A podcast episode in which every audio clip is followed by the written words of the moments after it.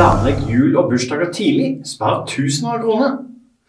Hei, jeg er Gjerknakken Rune fra gjerknatt.com, og i dag skal jeg snakke om det som gjør mange frustrerte, nemlig manglende planlegging av gaveinnkjøp. Du skjønner sikkert at det er mulig å spare både teite gaver og ikke minst penger ved å planlegge. Men så vanskelig er det ikke. La meg vise deg hvordan du bør gjøre det. Rett før er lik stress pluss lite optimale gaver.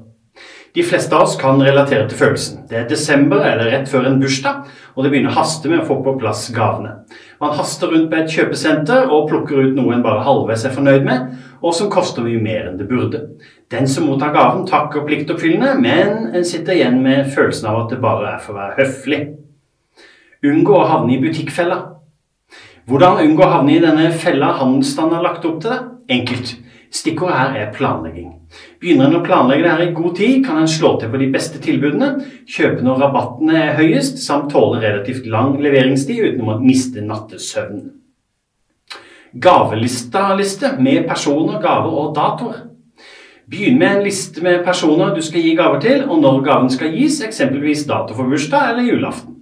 Tenk så på hva slags type gaver du ønsker å gi til hver enkelt. Her er et oppdikta eksempel på hvordan en gaveplanleggingsliste kan se ut. Ingrid bursdag 24.10. Støvler. Ulf bursdag 17.11. Lego aktivitetsbok. Jørn jul 24.12. Hettegenser. Astrid jul 24.12. Jo Nesbø-roman og duk. Ulf jul 24.12. Brettspill og miniski. Før på nye navn og dato fortløpende etter hvert som du kommer på mer.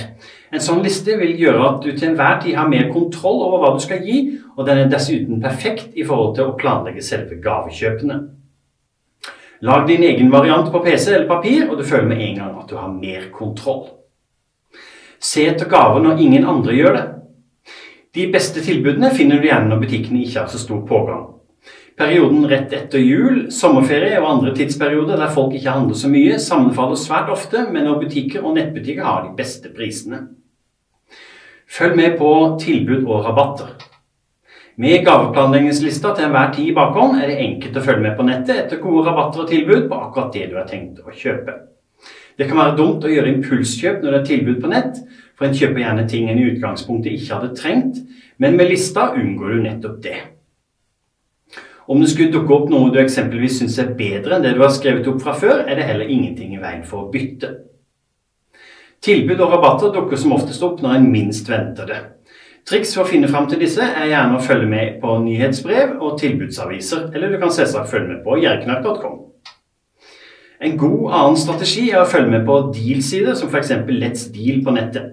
Det gjelder særlig hvis du er glad i å gi bort restaurantbesøk, spabehandling og lignende, men også ting og tang. Tips utnytt velkomstgaver for det det er verdt. Følger du med på jerknatt.com, så vet du at velkomstgaver i bokklubber kan være en flott måte å fikse gaver til deg sjøl eller andre på.